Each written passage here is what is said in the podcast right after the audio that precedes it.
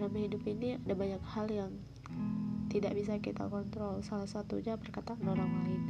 Tapi ada juga hal yang bisa kita kontrol yaitu cara kita berkata-kata kepada orang lain.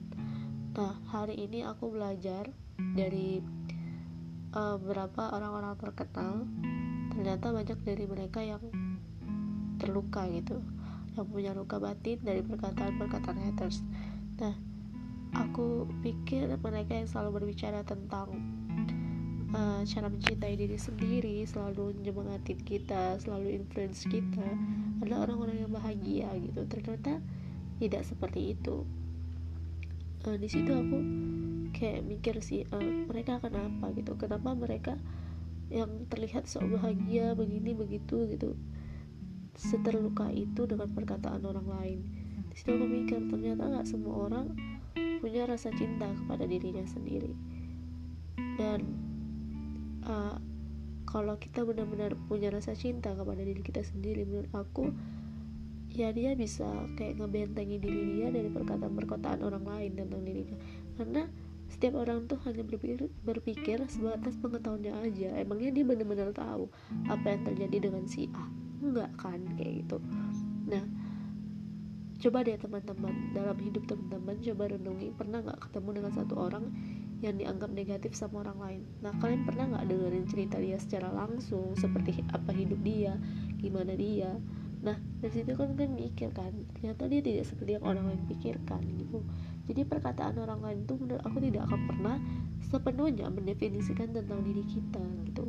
Jadi ngapain kita sampai seterluka itu? Kayak kayak pengen bunuh diri kayak ngerasa hidup ini gak ada artinya kayak semua orang benci kita gitu.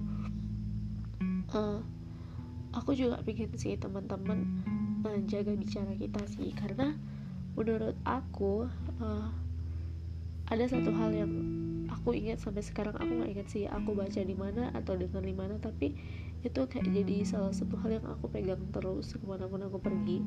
Kebetulan aku orangnya introvert aku pendiam dan aku tipe orang yang kalau nggak terlalu mm, sesuai apa yang ada di pikiran aku dengan orang lain aku diamin sampai ada momen ya aku bicara nggak selamanya aku diam gitu. Nah ada yang pernah bilang sama aku kamu tuh kalau ada apa-apa tuh bicara kenapa? Biar kita tahu. Kalau misalnya aku ada salah bilang aja gitu. Aku pikir sih nggak berapa hal dalam hidup aku berapa momen berapa waktu gitu aku sadar. Aku pernah jadi orang yang kalau misalnya seorang ada salah aku selalu aku bilang karena waktu itu aku belajar kan ada yang bilang ah lu orangnya munafik. Misalnya kan ada orang yang bilang kayak gitu. Masa lu berani di belakang doang di depan gak berani gitu. Nah di situ aku mikir oh iya ya mungkin yang lebih baik aku bicara di depan bukan di belakang gitu.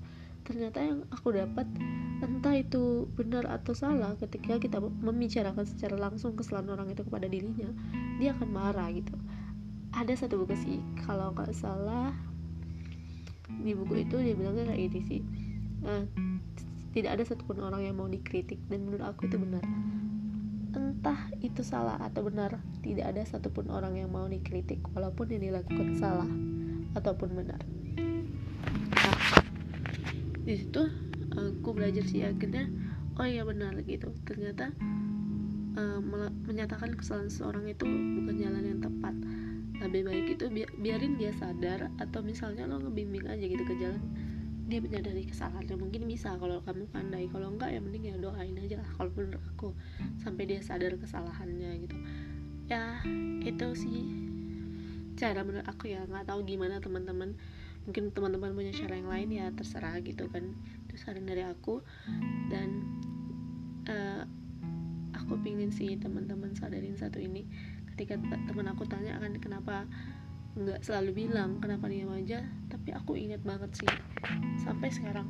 Memang aku nggak inget ya itu dari mana asalnya aku dapat entah buku yang mana juga aku nggak inget karena kebetulan aku punya berapa buku yang aku baca dan karena aku memang suka buku gitu tapi dia bilang kayak gini sih ketika kamu melukai seseorang hari ini kamu akan tetap melukainya hingga 20 tahun ke depan saat dia mengingatnya.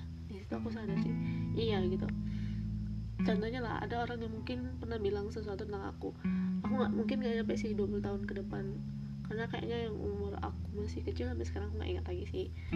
Tapi yang kalau misalnya kayak baru 2 tahun tiga tahun tuh aku masih ingat. Kadang-kadang aku sedih sih cuman ada sih saatnya kalau kalian belum konseling diri kalian. Tapi kalau kalian udah sampai di tahap konseling semoga aja apa pun perkataan orang yang di dulu ataupun sekarang kalian bisa kayak ya maafin mereka lah gitu. Karena semuanya itu kembali lagi kayak hubungan vertikal kita kepada yang di atas gitu. Nah semoga ini bermanfaat. Um, selamat malam dan semoga ini menjadi hal yang baik untuk menutup malam kalian